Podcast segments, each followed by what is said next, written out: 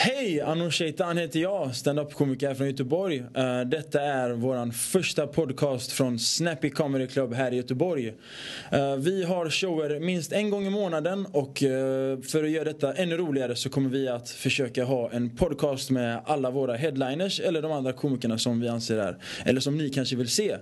Så detta var den första podcast. Och eh, den 3 mars på Snappy Comedy Club kommer vi ha ingen mindre än Peter Wahlbeck som är med oss i studion här idag. Välkommen Peter Wahlbeck! Ja fy fan var det high five där? high five. Välkommen! Tack! Tack, hur mår du? Jo det är fint. Ja, bra, du har ett jävla leende från öra till öra. Jajamensan. Ja, men det är väl kul att, eh, ska vi se eh, hur det är på eran klubb liksom. Ja, mm. ja. Jag gillar ju inte sådär egentligen att uppträda med så mycket folk och så för då tycker jag att um, jag tycker det tar mycket energi av mig att stå och lyssna på andra mm. komiker. Mm. Men jag tycker du är spännande när du uppträder. Du har en jävla härlig utstrålning och det har jag sagt från början. Tack, tack. Ja. Och att um, du sprider, mycket, sprider lite glädje och har lite charm. Karisma som det heter på ett annat ord då. Mm. Många har ju liksom inte ens på en stand-up-scen att göra tycker jag. Det okay. har liksom blivit så att uh, de bara hänger sig kvar och det är ingen som säger till dem. Mm. Och jag vill inte vara okärleksfull. Jag vill att man ska vara kärleksfull. Men någonstans så handlar det ju om att man ska visa respekt för publiken och publiken sitter där och jag tycker mångt och mycket svenska publiken är jävligt bra på att ta stryk som det heter. Mm. På stand-up-språk. De, de tar stryk. Det vill säga att de sitter bara smilar va. Okay. Och eh, jag har liksom svårt för det där liksom att eh, många eh, är kvar trots att de egentligen är kass men så har de liksom grejat det mm. för att ingen har sagt till dem. Så det är liksom, jag hoppas på dig att du kan, eh, ja, att den här klubben är bra att ha. Det är bra att ha en egen klubb. Tack. Där kan man testa nytt material, bjuda in folk och så är det du som står i fokus mm. och sådär. Och, ja, eller ni då. Mm. Uh, hur länge har du kört stand-up nu? För de som inte vet vem Wahlbeck är då så tänkte vi ta lite... Jag har hållit på med stand-up comedian sedan 1989 eh, kan man säga. När jag var ett år då. Ja. jag, luktade, jag luktade kiss och bajs när du började. Ja, det är möjligt. Men eh, jag... Ehm, jag kanske fortfarande men, luktar kiss och bajs. Som jag, jag kan väl säga att jag inte visste, jag visste inte riktigt vad stand-up var när jag började. Sådär, utan det var ju mer att det kom ifrån teatergenre. var olika. För du är utbildad jag, till skådespelare? Jag var olika karaktärer när jag var stand Men är du utbildad ja. skådespelare? Det är du, ja. Jag är egen Vart har du pluggat då? Jag gick på scenskolan bland annat i Stockholm, Teaterhögskolan och sånt. Och sen okay. har jag ju varit med lite egna sådär. Jag har ju på mycket med teater så jag mm. kommer ju från teater. Mm. Så, liksom. Mm. så jag var, mitt sätt att närma sig stand det var att vara olika karaktärer. Mm. Och det märker man ju att en del komiker är ju olika karaktärer fast den är hårfin då. Va? Mm. Man spelar olika roller. Mm. Manus Bettner, när han kommer upp på scenen så är ju inte han som han är privat utan mm. är ju liksom en karaktär då. Mm. Och du har ju också en karaktär liksom sådär. Mm. Så man liksom har hittat sin, sitt sätt att framföra sina, sina grejer då. Ja. Jag tänkte på uh, någonting jag hört i en intervju av dig som är lite äldre. Har du sagt att alla kan vara standup-komiker bara man är livsglada. Till att börja med, kan alla vara standup-komiker, ja eller nej? Nej, alltså livsglad och ja. Alltså det finns ju många som är bra berättare. Mm. En del eh, kan ju sitta så och vara festens kung, kung på festen och sitta och berätta roliga historier. Och dra. Men sen när han kommer upp på scenen så är det inte så lätt att transformera det till ett uppträdande. Mm. Alla kan väl vara, jag vet inte, alla kan väl vara slutkomiker, ja det kan man väl vara kanske. Mm. men, men med det med ordet livsglad sa du, uh, har du sagt det några gånger säger, faktiskt? Det, men, men det är det som jag säger, att man måste liksom ha, ska man ställa sig på en scen så måste man ju någonstans, ungefär som i fotboll, man måste ju ha någon jävla form av bollsinne. Man kan ju bli en jävla bra fotbollsspelare men man kan ju aldrig bli liksom en sån där fotbollsproffs. Om inte man har bollsinne på något vis liksom. Mm. Och det är väl så på scen också. Man måste väl ha lite utstrålning, lite karisma och ha lite hum om vad fan det handlar om man ska ställa sig på en scen. Mm. Det som jag sa i inledningen här, liksom, många har ändå hankat sig fast och lyckats greja det genom att, liksom, att publiken är bra på att ta stryk. De, mm. de, det är inte som i USA eller Amerika eller England som säger så typ att What the fuck is this? Say something funny. Ungefär va. Utan, så på Norra Brunn kan folk komma klockan sju och sitta och bara till klockan nio sitter de och bara väntar på att det ska komma liksom fyra rookies som harvar hål i huvudet på dem. Sen när jag då kommer och ska in på slutet och vara någon slags jävla head act så är de trötta, mm. utslitna. Publiken är trötta. Ja, publiken är trötta. De, åker, de är inte pigga längre. Då ska jag liksom toppa den här jävla kvällen. Mm. Och det är det som jag menar på att det, det ställer inte jag upp på längre. För jag liksom Mm. tar mig inte till Stockholm från Halmstad liksom sex timmar i bil. Och sen stå och liksom lyssna två timmar på massa jävla amatörer som bara liksom är långsökta och plumpa. Mm. Om, vi, om vi håller det till det där ämnet. eh, Det blir lite neggigt nu om man säger så men, men du... eh, Du vet, du vet hur Wallbeck gör. Men många gånger så har folk, komiker, sagt i... Det finns en, en, en jä- jättebra podcast jag började lyssna på som heter Värvet. Med en kille som kallas Triumf. Jag minns inte hans riktiga namn nu. Men där har ju några komiker berättat att du har varit lite taskig om man säger så, förmildrat. Att de, de, de har ingen kärlek till dig riktigt om man säger så. De, de säger väldigt... De säger ganska konkreta grejer om dig. Eh, att någon gång att du har förstört lite för dem innan scen och någon gång att du är lite taskig. Och, eh, även en bok som har gjorts som, som heter Jag bombade av eh, Aron Flam. Där nästan alla komiker nämner dig. Eh, utan att nämna någon komiker. Men vad känner du om, om det? Att de nämner dig? Men alltså det är ju så, det är klart så liksom att eh, vi människor som är lite karismatiska då och tar stor plats. Det är klart att folk som tycker att det är, är lite jobbigt då. För de flesta är ju ganska mediokra. Och som jag sa innan, liksom, många har ju kommit in i det här för för att de har liksom, de har ju inte egentligen eh, varit något ämne. Men de har liksom bitit sig fast och lyckats greja det på något vis. Och, och eh, det är ju för att har haft tur och liksom kunnat sväva fram. Jag menar, jag som jobbar som ståuppkomiker professionellt. Va? Jag kan ju komma till ett företag där det sitter 50 gubbar i medelåldern. Och få dem att asgarva. Och det, det kan inte du. Det kan knappt någon utav de här eh, eh, komikerna generellt. Va? Därför de har inte den rutinen och de har inte skämten, de har inte grejen. De, eh, det är en annan sak. Det är 800 i en salong och, det sitter tjejer som fnissar åt liksom man säger prutt och så är det kul liksom.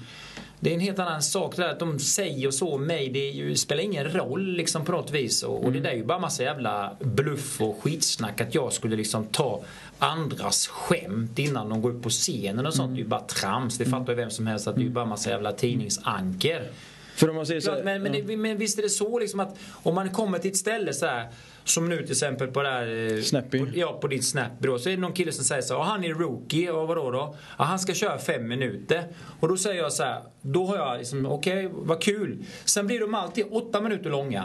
Och ibland tio minuter långa. Och sen när det höll på år efter år efter år, att folk inte höll, höll sina tider. Då, då sist bara tröttnade jag och sa så här, du, om du inte kör dina 10 minuter exakt så kommer jag liksom att bara ringa en klocka och säga Hallå! 10 minuter, that's it. Och det har jag kört liksom för att jag det- på att det, det För att inte publiken ska bli trötta Nej, då? men för så... att, det, är inte för att, det är inte för att publiken ska bli trötta för att sen kommer en till och sen kommer en till. Och till sist så är vi uppe liksom i 35-40 minuter över tiden och då är folk liksom trötta va. Mm, Ska, ska man vara med så ska man sköta sig och göra det som man säger och det som man ska. Liksom. Inget jävla sånt stå och, och liksom snickersnacka fyra minuter mer över tiden. Ibland liksom har man ju kört i kvällar då, det var ju jag som började med det här att man skulle vara många.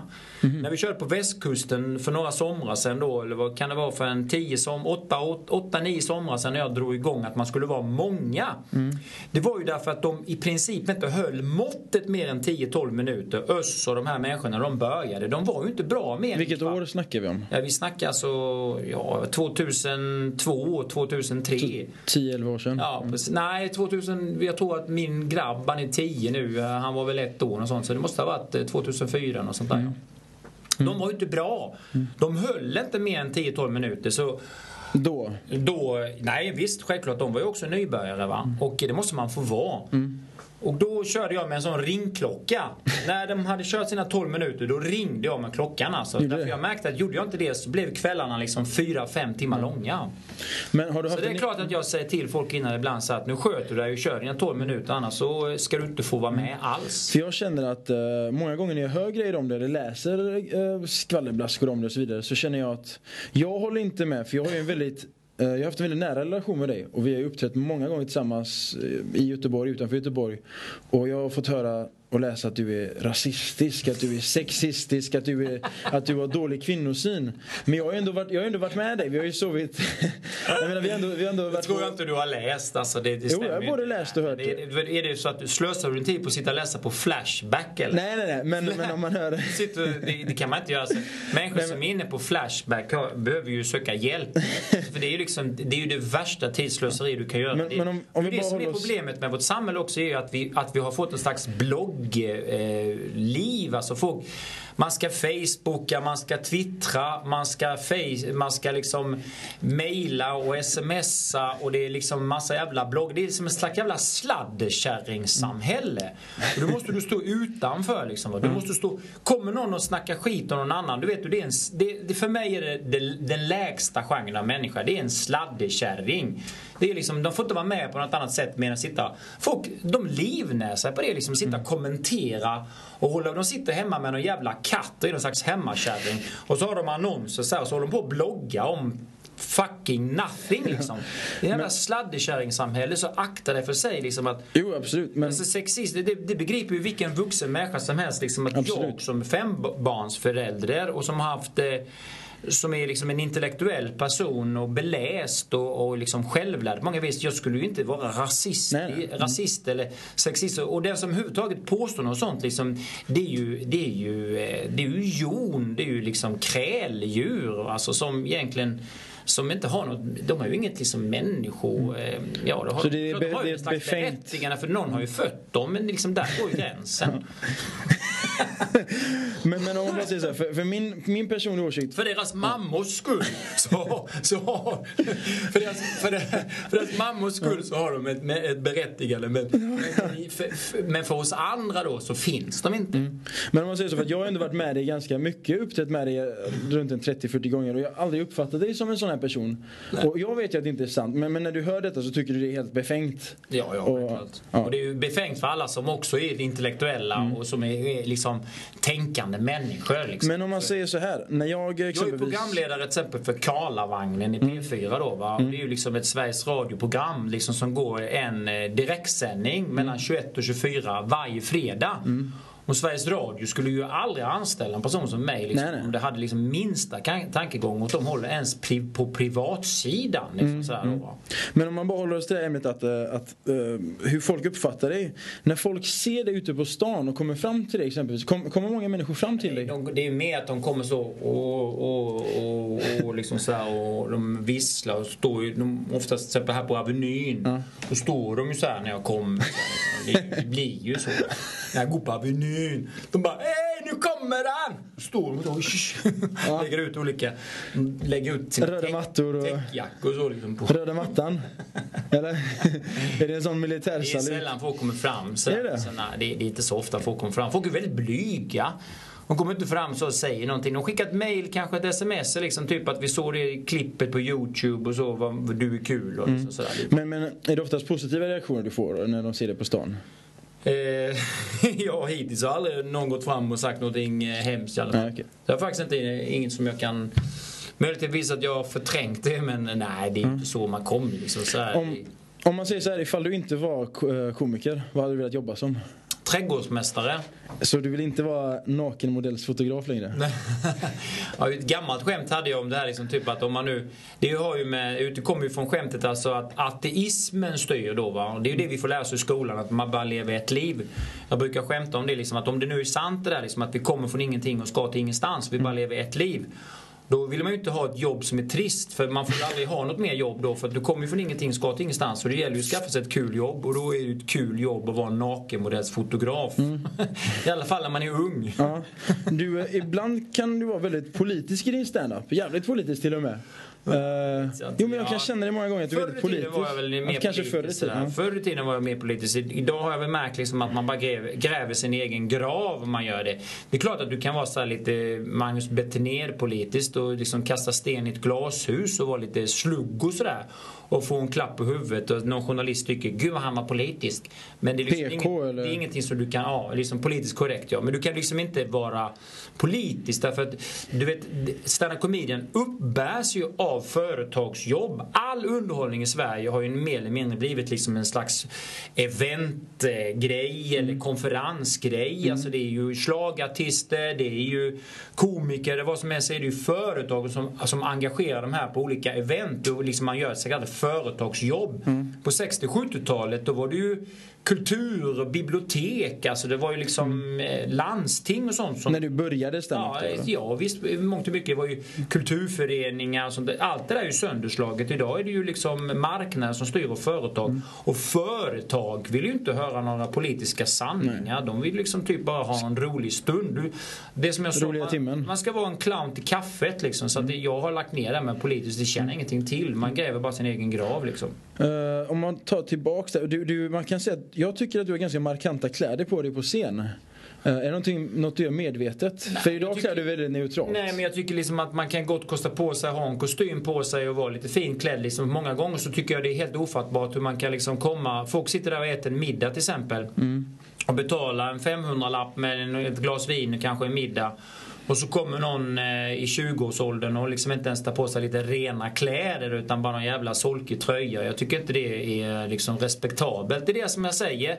En del har inte på en scen att göra överhuvudtaget. Liksom. Men eh, då Eh, då tänker jag på, jag såg den gången slängde i brunnen ett gammalt program från 94-95. Då hade du tuggummi i munnen. Ja, det var inte scen. bra. Nej, varför hade det du det? var nog bara att jag skulle försöka vara tuff liksom. Att jag skulle, Med liksom... avsikt för akten? Eller? Nej, avsikten för att jag, att de kanske andra som var med där var lite kärringaktiga, lite svenniga. Så skulle jag kanske vara lite tuff med tuggummi då. Men, men det, det du säger där är ju, tag, jag har ju tagit en bra gärning där. Bra, mm. du är ju observant där liksom. Ja. Nej, tuggummi ska man inte ha. det har jag aldrig sett innan. Eller hoppas jag jag hade ju några ett tag så jag sprang kring liksom, jag hade sån svart skinnjacka, så hade jag vita skinnhandskar. Och så hade jag tuggummi i olika kepsar och sånt. Det är klart att liksom, folk blev rädda då. Liksom. Mm. Det var ju mer för att experimentera. Liksom. Ja. Men Uh, om man säger så här, 95, år 95, var du gift eller uh, har du varit gift? Du har aldrig varit gift? Nej, tyvärr. Alltså, jag, har aldrig, eh, vi har aldrig, jag har aldrig haft råd att gifta okay. mig. Nej, det är en ekonomisk fråga. Men du har en jävligt dyr Subaru. ja, nej, ja, ja, visst. Subaru är dyr. Subaru är dyr. Ja. Det måste ju framåt liksom. Ja. Full fart. Du har till och med blivit av med körkortet en gång. Oh, herregud, många gånger. Asså? Fyra, fem gånger tror jag. Vad jävlar? Ja, ja, herregud. Ja. Det, det, okay. det blir alla, alla vuxna svenska män som är i 50-årsåldern. Liksom, om man ska vara med, om man ska vara...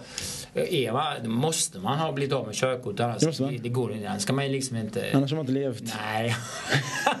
om man, men om man säger så här då. Eh, du har aldrig varit gift, men 95, var du tillsammans med en tjej då? Eller hade du barn 95, då? Eller 95? Eh, nej, 90, 95 var jag tillsammans med en tjej då. Vi var alltså? tillsammans i sju år innan jag träffade min... Eh, vänta nu förresten, 95. Då hade jag redan haft förhållanden. 95 okay. Ni, ni, nej men 95 är jag ju, då var jag ute Nej vänta nu, 95. För då var du med mig i Släng i brunnen ganska mycket. Släng mm. i brunnen.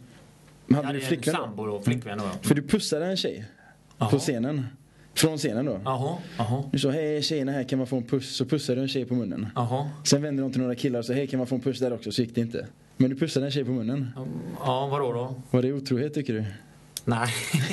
Inte? Det var ju bara roligt. Alltså, Gulligt låter det som. Så du, tycker, så du tycker ifall du hade haft en flickvän och ni är kära och ni är gifta och ni har barn eller whatever och hon pussar en kille man, på scenen. Om man, om man går ner från scenen, det, det måste ju ha varit i, i, i, samband med ett skämt eller någonting. Ja, det var en introduktion där. Hej tjejer, vad trevliga ni är, kan man få en puss och så vidare. Ja, herregud alltså. Så det, det kommer du undan med tycker du?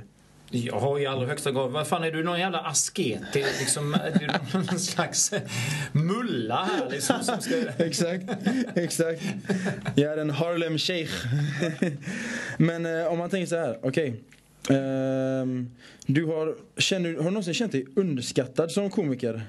Um, eller tror du att folk underskattar dig som person generellt eller som komiker? Nej men man kan väl säga så att jag tycker det är synd att yngre generationer inte har upptäckt mig liksom. För jag är ju kanske, jag hade kunnat vara, alltså jag tror att man hade kunnat man hade kunnat ta stand men man är ju aldrig bättre än sin publik på något vis. Va? Alltså, men jag tror att man hade kunnat ta svensk stand comedy åt ett riktigt eh, avancerat crazy håll. Mm. Men då måste man upp i den nivån att det kommer mycket folk och många Hänger du med? Mm, mm. Du måste liksom kunna veta, alltså du måste kunna liksom surfa på en våg. Mm. Hänger du med? Va? Mm. Då hade man kunnat ta eh, eh, åt liksom ett fantasihåll. Va? Mm. Som många, man ser en del riktigt avancerade världsartister, de jobbar med fantasier som är helt abstrakta, som är jävligt roliga. Och ändå eh, väldigt speciella. Jag vet inte om du hört det där skämtet jag snackade om det här med eh, om det här med eh, Muhammedina. Nej. Det är ju jävligt roligt skämt det här med Mohammedina att liksom typ att man skulle ta en sån lodis, en sån som sitter och tigger på stan. Mm. och fråga honom om han skulle vilja könsoperera sig till kvinna. Så skulle han få massa pengar till det. Okej. Och så skulle man få sponsorer som typ el Kronfågel och Scan och liksom såna här märkliga. Skulle sponsra den här. Eh, Skulle han ha fågelsnopp eller vadå? nej, nej, Nej. nej, nej, men alltså han skulle liksom då, man skulle betala den här könsoperationen och göra den här Va- Vart ska vi komma med det här? Nej, men det, det, då målar du upp bilder för lyssnarna. Ja, okej. Alltså du berättar om någonting så målar du upp bilder att han skulle kunna twittra och sådana saker om den här operationen och hur mycket pengar han tjänar. Han skulle bli så rik så att han liksom kunde operera sig tillbaka till man igen. Den här eh, lodisen och tiggaren och sådana här grejer skulle man kunna hitta på. Men då måste man ha publik liksom som kommer och som vill vara med och som är på den här nivån.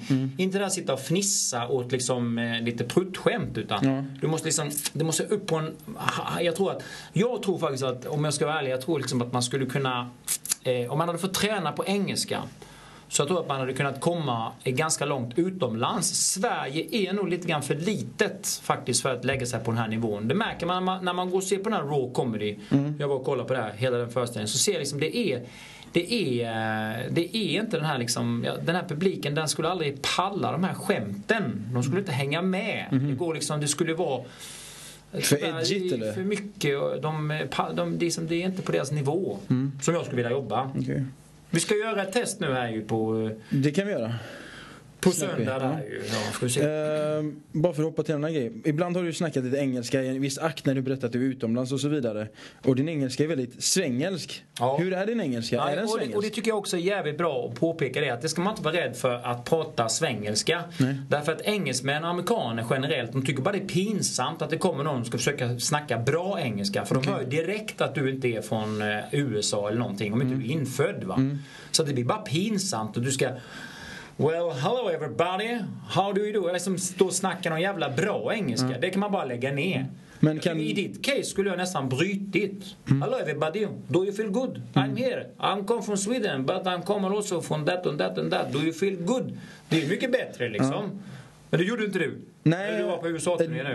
Eh, Du stod och gjorde bort dig. Försökte sjung- snacka Ibland, bra. Nej, men men jag, jag har bott i USA längre perioder, eller varit i USA längre perioder. Men, eh, men ibland körde, det berodde på lite vad jag ville få fram av vissa klubbar. Om det var en brown night när det bara var iranier, då körde jag mer persiskt.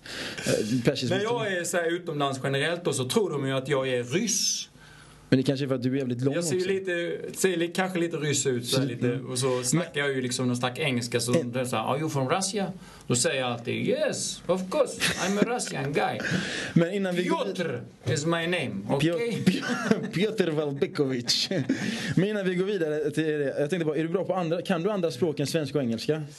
Nej, jag kan ju snacka arabiska ju. Men den är ju påhittad. ge mig- ge mig ودل ولم در عقل الهدل فدل لسا وهم كتحل عاملين سبوت det. Du- Jag tror jag, när jag varit i Egypten Du glömde Kalashnikovfen. När jag varit sådär i Egypten och snackat med låtsasarabiska med dem, de, de bara liksom, jag tycker det låter ju likt så in i helvete. Men de bara, what is this? Liksom. De nästan tror att det är svenska. Så det är de språken du kan. För jag tänker på din, på, ehm, du, det känns som du har en ganska stor fas, fascination av många kulturer och Ja, språk. absolut, Det, absolut. det, det är min uppfattning om det, att du Ja. gillar väldigt Och det mycket. har jag sagt också till er som har invandrarbakgrund då, om man säger så, som har med ett gratisspråk liksom. Mm. Och eh, ni får barn i er tur, ni måste snacka många språk med dem. Mm. För det är ju liksom, jag tror att man är väldigt fartblind. För att kan man snacka ett, kan, har man ett modersmål, sen snacka svenska och sen lära sig engelska och kanske till och med lära sig kanske spanska, det franska i skolan så va. Ni kan ju få jobb över hela världen, i den här globaliserade världen. Och det, det är ju många, det är ju bevisat att det sätter igång och aktiverar centran i hjärnan. Man blir bättre på matematik, fysik, man får koordinering. Det är en jävla massa grejer som man Fast får just per automatik. om vi Jag har en kompis som inte snackade kurdiska och eh, tyska och italienska. Han kan jättemånga språk. Han har inte snackat någonting mer än svenska för att han var ihop med en kvinna. Så, Nej, du- vi ska snacka svenska med våra barn. De ska bli svenska. Det är ju helt fel. Det är det. Ja, det är helt fel alltså. Så, ja. Det, Men du har en, för du, Kulturer du, du alltså. reser jävligt mycket också. Du reser mycket. Du har någon slags fascination av Kairo. Jag skulle vilja åka på en sån jorden runt-resa och ge mig, bege mig till exempel till eh, Tibet skulle jag vandra omkring. Jag tror att det finns en del orörda platser i Tibet som skulle vara fantastiska att Men- komma och se. Alltså. Men hur kommer det sig att du varit i Kairo så mycket? Kairo har varit sex gånger. Det är en fantastisk stad. Dels för att det ligger så nära Sverige och eh, det, är det tar bara fyra timmar med flyg dit så är man i en helt annan värld. Va? Fyra timmar från Köpenhamn och så kommer du till Afrika för det första. Och det är liksom de där kontrasterna som finns i Kairo är helt fantastiska. Sen finns en, en rik kulturhistoria och sånt. Jag, det- jag var där nu i vintras och eh, eh, det är ju nu man ska åka dit. Så, Åh, nu ska man inte åka dit, det är så mycket bråk. Nej, det är nu du ska åka dit. För att- nu är det inga andra turister där så du får vara i fred liksom. Du Okej. slipper se amerikaner i kortbyxor och sånt där. Liksom. Du, Men varför åker, du, varför åker inte du till Gran Canaria eller så här? Nej, det har jag aldrig gjort. Mina unga åker på sånt där. De åker De med sina släktingar och badar. Så har vi hänt någon gång. Med. Men, men du skulle aldrig sätta din fot i Sunny Beach i Bulgarien och sånt där? För då, ja men du doppar i klamydiapoolen eller något sånt? jo, jo, det ska jag gärna vilja. Just åka till det Sunny Beach för det är så jävla, har så dåligt rykte. Ja. Och se sådär. Så du vill göra det ryktet ännu sämre? Nej, men jag skulle vilja se det liksom och åka dit. Men då, då skulle man åka dit med lite kompisar och så bara eh, åka dit för liksom att festa och eh, bara. ställa till bråk. Ja, Liksom. Ställa till bråk. På tal om bråk, eh, jag har läst någonstans att du har bitit Persbrandt i örat, stämmer det? Nej, inte i örat. Det var på Nej. armen. Det var- var här på armen. Varför gjorde du det? Inte i örat. Det är på armen. Nej, det var så han var på fyllan, jag var på fyllan. Så var vi på en krog i Stockholm. Mm. Och så eh, stod vi och latchade lite grann. Och så han var han rätt rejält packad så han tog sån här polisgrepp på mig. Asså. Han tog så här eh, grymt eh, du vet, eh, polisgrepp underifrån så att liksom jag, hela armen höll på att gå av. Alltså en, ett Och axellås eller? liksom nöd, ja du vet så här, upp, du vet den och Ass. så bara upp här och så bara ah! Och då var jag ju tvungen liksom att bita armen för att komma loss liksom för du vet att det är inte så kul. Nej, nej, det vet jag. Du vet, Jag man, då fick med- jag bita mig loss liksom. Och då puttade han mig framåt så här. Och det jävel, det stack ju till ungefär som en, man får ett getingbett så här, va. Eh, Man blir sting, stungen. Så han puttade mig framåt och då flög jag in i någon slags armatur som satt på väggen Mm. och skar mig här i ögonbrynet. Så det blir ju skandal för då, då blod, det kom ju blod då liksom. Och, Vilket år var det här? jag kommer inte ihåg alltså. Var det det innan? varit 1900, eh, 2001 kanske, något sånt där. 2001, 2002 någon gång. Är du en aggressiv människa? Absolut inte aggressiv. Jag hatar ju våld naturligtvis. Våld, våld mot djur och våld mot eh, alla människor. Absolut, absolut inte. Men däremot har man ju temperament och så här. Liksom, jag är inte sådär som knyter näven i byxfickan och sånt där. Man sitter och snackar telefon med någon säljare eller snackar telefon med någon journalist som inte fattar eller någon är dryg så Ja. då kan jag tappa tålamodet. Tycker du, tycker du det är aggressivt att uh, spänka en tjej när man har sex? Ja, det fattar jag mig inte Tycker på du? alltså. Det har jag aldrig fattat mig på. Jag fattar mig inte på Anledningen för att jag frågar är för att min nästa ledfråga där är att det är olagligt att slå ett djur i Sverige. Men det är inte olagligt, olagligt att ha sex med ett djur i Sverige. Mm, Ja, jag vet den här grejen ja. Mm, Men så vad tycker du ifall man har sex med en kossa och spänkar den? är det helt okej? får, du- får fråga publiken nu på söndag här. nu. Nej men jag frågar dig nu. Vad Nej, jag slösar inte tid på sådana dumma frågor. Det där får politiker och folk som får betalt för att sköta sånt där liksom. Okej. Det Dumma- byråkrater. Dumma människor. Och varför, varför kallar du, vad, vad är dumskallarnas signaturmelodi? Ja, nej, men det är ju ett skämt alltså. Dumskallarnas signaturmelodi. Det är ju den här... Det är ju ett gammalt, gammalt skämt liksom. Och, och det var... Men förlängningen på det skämtet är egentligen bättre. Det är ju det här liksom typ att förr i tiden när man gick på fotboll på 50 och 60-talet då var det ju sådär Heja Sverige, friskt humör, sassa, brassa, mandelmassa. Det var ju sådär Nu är det bara Så nu är det bara ett ljud? Nu är det liksom så- Du, du, du tycker att det saknar kreativitet helt saknar enkelt? vi den litterära förmågan alltså. I- alltså. Intellektuellt så går det ju bakåt alltså. Det kan man ju säga. Eh, Om man, om man tar det här med förmåga, alltså poesi och så vidare. Du, ja, du är väldigt allsidig, du är inte bara, bara komiker. Du håller på med komik, du målar tavlor, litografi. Det- jag du med skådespelare, konst. du har jag är dansat. Konst är häftigt därför att ett, ett modernt konstverk det, det talar ju till eh, betraktarens... Eh, eh, det är beyond... Alltså du, om du tittar på någonting föreställande Mm så ser du vad det är då. Du ser en föreställande bild och så är den nu gjord. Sen är du slut någonstans. Men ett modernt konstverk det talar ju till din intuition. Det är liksom någonstans en känsla man upplever någon form av... Man, man hör folk säga så här, "Ja, jag begriper mig inte på det här konstverket. Jag, vad föreställer det? Jag förstår mig inte på det här. Vad är det här för någonting? Jag kan ingenting om konst. Så kan man inte säga. För att liksom modern konst handlar ju om... Det är ju verkligen människans förlängning, intellektuella förlängning när man pratar om intuition. Alltså. Det är ju, alltså, att du, du står framför en bild och får liksom en känsla av någonting. Samtidigt då som det är färg och form. Så det, det är väldigt intellektuellt avancerat egentligen, modern konst alltså. Men för att komma tillbaka till poesi, någon gång så sjöng du om lammfamiljen på Släng dig i brunnen. Ja, det var ju många år sedan. Då, när jag började med stand så hade jag den här Det lilla lammet. Det var ju en sång som handlade om eh, Men ett jag- lamm som råkade ut för... eh, Ja, som gick... Men jag tycker det var väldigt metaforiskt för du nämner att lammet, lammet äter bara gräs med sin familj. Mm. Han vet inte vad som händer i Sarajevo.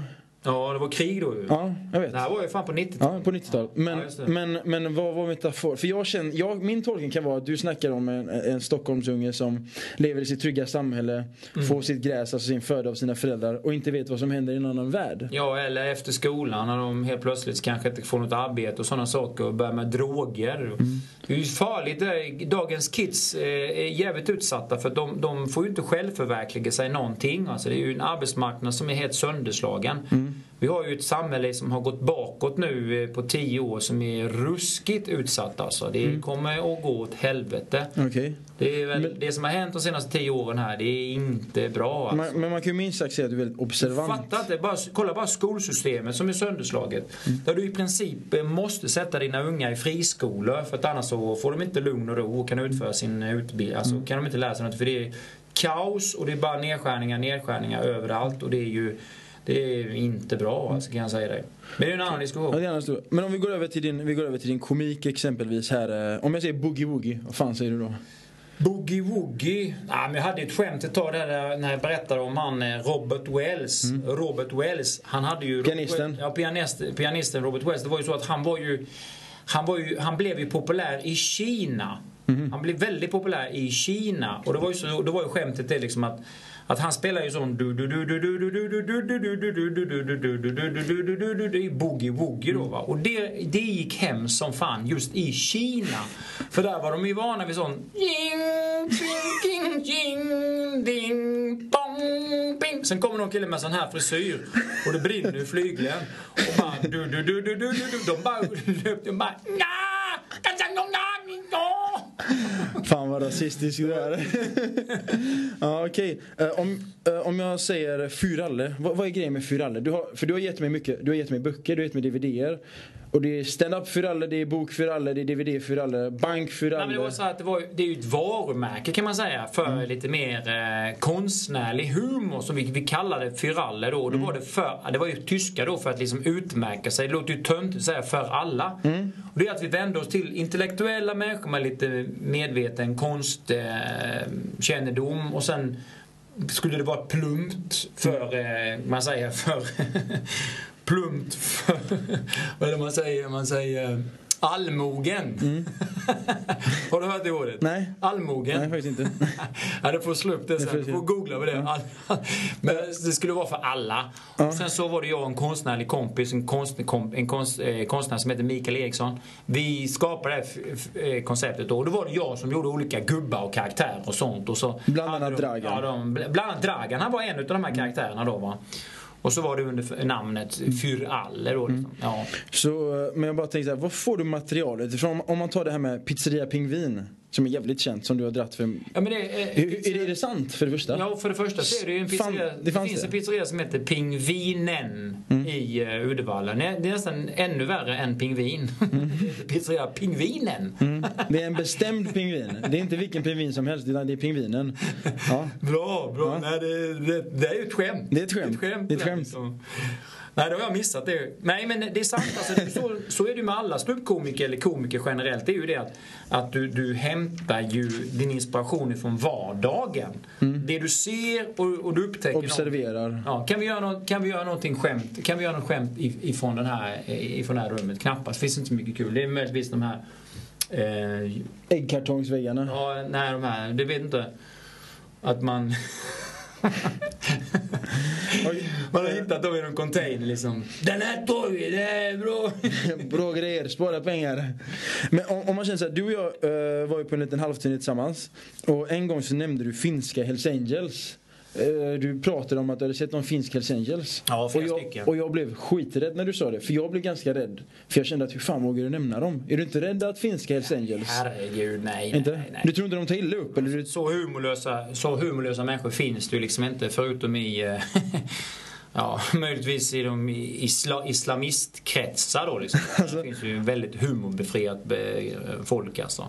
Men kan Tyvärr det- är det tråkigt att de har monopol på vad man inte får skämta om alltså. Okej. I någon slags Guds namn. Och det, det är inte klokt, det är inte riktigt rättvist tycker jag. Liksom, Mm. vissa religioner ska man få skämta om och vissa ska man inte få göra det. För det liksom, vi, vi har satt stämpeln på att det är heligt, det får, det får vi inte lov att skämta Mm. om då. Någon profet som är helig, så, så kan det inte funka i ett modernt samhälle. Vems fel är detta? Är det extremisternas fel eller är det vi som accepterar det? att, eh, det är naturligtvis alla traditionella religioner är ju korkade liksom. Det är Mm. ju precis som judendomen. Det är ju mest korkat och alltihopa att säga liksom att man är någon slags Guds utvalda folk. Och bara säga en sån sak är ju helt korkat. Ja, ja, är vi, För då är inte vilka är ni? Ja, vi är Guds utvalda folk. Vem fan har sagt det? Jo, det har de sagt själva då liksom. Mm. Det kan de tolka ifrån sina texter. Så liksom det är ju ett sammelsurium. Mm. Men, men klart man måste få högt. Jag menar, Finska Hells Angels, jag menar jag har skämtat mycket om homosexuella förr i tiden, om bögar och hi- hit och där. Mm. De har ju humor till exempel. Finska Hells Angels, det är ju bara liksom eh, det är ju ingen som skulle bli eh, Arg. Men, men däremot kan jag säga så att man, man, det är, man, är, man är farligt ute som ståuppkomiker för att du kan rycka någonting ur... Alltså om jag verkligen ville, när jag gick och lyssnade på dig och jag var en journalist som ville dig illa. Så skulle jag kunna rycka någonting ur det du kontext, säger. alltså. Ur, ja, precis. Jag kan rycka ur- hela din, hela din Akt, ja. akt. Så rycker jag ut två, tre meningar och kör upp det i svartvitt på en löpsedel. Anoush säger det och det och det. Det är klart som fan liksom att... eh, Och sätter de ditt ansikte jämte Hitler. Då Ja, tror de liksom att han är... Ja, det är ju han. Han måste ju vara nazist Dum alltså. ja. Så liksom man, man, man kan ju verkligen bli ut... eh, Jag råkade ut för en jävla hemsk grej. eh, när Med jag- konsten nyligen? Ja, Ja. jag råkade ut för en, en grej från Kvällsposten. Mm. Jävla svin rent ut sagt alltså. Jag och min familj. Vilken tidning var detta? Ja, det var Kvällsposten. Jag och min familj, vi hade liksom verkligen kämpat och, och öppnat ett litet galleri i Halmstad. Målat, fixat, donat, lagt ner 100 000 spänn. Betalt 40 000 i marknadsföring, annonser och skit. De kommer dit och ska ta foton. Och sen så frågar, frågar en, den här journalisten då. Ja, det är väl många kändisar som målar tavlor. Ja, men jag har ändå hållit på i 30 år med det och haft jävla massa utställningar så jag har ryggen fri. Men jag kan tänka mig att det finns en del eh, Som kändisar som målar tavla, ett sätt för dem att fylla plånboken för att de är kända. Då saxar de ut det, ett sätt att fylla plånboken. Aha. Jag slår upp Att- att du har sagt detta? Där jag med min fru, står, eller min sambo, står så här glad, visar tavlor, blommor. Och texten? Står det, ett sätt att fylla plånboken. Ja, förstår du? Ja, då blir man att hämta glad. hem den grejen, Ja. förklara det. det var ju, jag, vi grät ju hela dygnet. Asså. Självklart alltså. Det, det var ju, det var ju precis, alltså det var så jävla gement och så jävla elakt. Liksom. Hela den satsningen som vi gjorde för att öppna ett litet galleri i min hemstad. Det bara, bara kom de och bara bajsade på liksom och sa att det här är ett sätt för mig att fylla plånboken. Det är så jävla elakt. Och där har du, har du ett klart, det var Kvällsposten, hur de, hur de arbetar va. Svin liksom. Så gör man ju absolut. Det är så orättvist och så falskt och gement. Jag menar dumma människor, vi pratar om dumma människor. Det är som, saker och ting det bara rullar på av sig själv ibland. Va? Det är därför att den intellektuella eh, kapaciteten i samhällskroppen håller liksom på att eh, degenereras. Därför att hela tiden kämpar för överlevnad, kämpar för överlevnad. Folk har ingenting. De går hem, trötta som fan, det är mycket gap och skrik, det är mycket elände, man ska överleva. Och så hamnar de i TV-soffan och får se de här inavlade kändisarna i varenda jävla program. Om och om och om, och om igen. Jag sitter häromdagen och kollar på en ny, så det kommer något nytt komik. Var du med där? Nej. Samma människor som är TV4 är med i SVT. Det är samma jävla människor. Det är en slags inavlad, kletig ryggdunkarmaffia som liksom dunkar ryggen på varandra och, och är med i varenda program. Istället för att ny energi, nya ansikten kommer in. Va? Det är så jävla beklämmande. Det som är beklämmande i det västerländska samhället det är att allting bara upprepas, upprepas. Samma låtar, samma människor, samma skämt, samma, samma, samma, samma, samma. Samma jävla fucking samma hela tiden. Så att man blir till sist hjärntvättad. Va? Är ni med? Det är det som är tråkigt. Liksom, så här. Man lyssnat så här. Radio Riks FM eller vad det nu heter. Eh, eh, bara hits. Nej, inte bara hits. Tror jag mig. Eh, om bara går tillbaka lite till när du och jag hade turné eh, 2011 var detta. När vi var i Eskilstuna så var det en kvinna som ropade efter dig och så sa hon först, eh, nej först var det en man som sa Sveriges största käke! Ja. Ja, och så skrattade folk så här, vad, vad tycker du om det här med Sveriges största käke? Ja. är, vad, är det nå- vad, jag förstod inte vad det handlade om först. Nej men he, hela vår släkt är så lite fyrkantiga i truten och liksom. Sveriges största käke, ja det är det väl kanske. Och men sen så var det en kvinna efteråt som drog i dig när vi skulle gå upp till hotellet. Så sa hon, eh, ro hit med sälklubban. Va, va, kan du, vill du förklara Det är också varför? ett gammalt skämt liksom, typ att man säger så hur stor är din och sådär och så ska man måla upp en rolig bild då liksom och då säga att det är en sån sälklubba. Okej. Som, du vet här små sälungar på Island. Men, Ja. det är en sån klubba jag liksom. men, eh, men, men har, du, har du, om man nu ska vara lite så här, har du legat runt mycket under dina Nej, turnéer? absolut inte. Det var ju då i början när man var, var ung och så och ville prova på saker och ting sådär liksom. När man hade biologiundervisning så här, liksom, sådana grejer. Men inte nu. Alltså det har, man, har jag inte gjort liksom. Absolut inte. Men så du såg sex som biologiundervisning? Eller? Nej. Nej, men jag har inte alls gjort sånt där liksom. Det, det, absolut. Du har inte varit jag, den det som är har att jag, jag är ganska blyg alltså. Jag vet att du har lätt för att få tjejer, men jag har aldrig haft det. Jag har aldrig haft lätt för tjejer för att jag, jag snackar för mycket. Och ger fel signaler och är egentligen blyg när det kommer till kritan. Okej. Sådär, va? Ja. Men, men någon gång vid något tillfälle så sa du att du vill ha tjejer som är lantras. Nej, men det, det är ju ett skämt också. Är det också det? Man säger, ja det vet du väl, det är ett skämt det här med svensk lantras. Liksom att man, jag gillar Vad är, vad är en tjej som är lantras? jag gillar inte sådana här pimpinetta smala paket som, Nej. som är sådär lite, har massa långa naglar och sånt där trams liksom och sitter med avrakade ögonbryn och, och målat dit sig och, och springer kring och är liksom någon slags, eh, ja, eh, någon slags eh, har sån här, vad heter det, eh, ja, liksom man är bara en kopia på någonting. Man vill ju ha någon sån som är äkta, någon som, som är från landet liksom. Som, kan ta i och som har rejäla överarmar och liksom lite hull på benen och som, som kan byta vinterdäck och tappa upp en öl och sådana saker och gå ut med hunden och bädda och, och, och, och städa och diska. Alltså en rejäl kvinna helt enkelt. Bra. Vi tar en sista fråga som- bara här. För vi måste som sitter av nu. och bryter Ja. naglarna och håller på och, och twittrar om, om liksom att eh, nu regnade. Eh, vi måste runda av nu för nu har vi strax gått på ungefär 42 minuter. Eh, det är så det ska vara. Um, thailändska tjejer, kommer du någonsin gifta dig med en thailändsk tjej ifall du är 60 och singel och allt går åt helvete? Kommer du ta hit en thailändska? Nej men alltså det är klart om, om, om eh, ta hit en thailändska. Nej men det är väl så om jag är, om jag är 60 och 65 eller 70 och jag inte är tillsammans med min eh, nuvarande fru och allting känns bra och jag åker till Thailand och blir förälskad. Varför ska jag inte få, få gifta mig med henne då? Det, då får man väl Men då får vi förutsätta att den thailändskan också är 60. Ja, okej. Bra. Så du skulle inte ta hit en 18-årig tjej? Som många gör? Det tror jag inte. Jag skulle nog skämmas då. Alltså, även för jag kanske skulle vilja då. Men som jag säger, man kan ju ha det som wanking objekt. Vet du vad det är för någonting? Jag kan gissa vad det är, men du får gärna förklara. Wanking objekt, vet du vad det är för någonting? Nej, det är ju liksom när man, ungefär som en karate. Alltså du vet att du, du håller på med kampsport ju. Ja, ja. Och då, då är det så att du ser ju inte du motstånd. Du står så. När man Du, skuggboxas du med den. låtsas, ja precis. Det är ju för att du, du, du låtsas att du har någon framför dig. Därför har jag alltid sagt liksom att sådana människor som håller på med kampsport, de är jävligt bra på onani. De kan alltid se objekten framför sig, för de är ju vana vid det. Okej. Så ifall jag, eh, hur tycker du om att jag skulle ha wanking object? En tjej som har en tatuering på svanken på kinesiska. Är det ett bra wanking object? Nej, det vet jag att det är också ett gammalt skämt alltså. Det är ju egentligen många, just ett tag då på för en tio år sedan så kom det mycket tatueringsskämt. Det var ju när de här första vågen av tatueringar, det bara flippade ut liksom. Folk höll på med kinesiska och hit och dit och olika tecken. Så det var många komiker som uppfattade det liksom och, och gjorde någonting kul av det där då. va. Och då har de sådana kinesiska tecken i ryggen. Och då var ju min grej liksom det att, eh, att någon hade lurat den här tjejen med sådana kinesiskt tecken i ryggen. Att, att eh, hon kom till tatueraren och så sa tatueraren vad vill du ha för tatuering? Ja, jag vill ha lycka. Ja, men då ska du ta det här. Och så, så var det bara sådana krumelurer. Och egentligen stod det? Det stod en i taget. En i taget. Liksom, hon hade liksom på kinesiska då.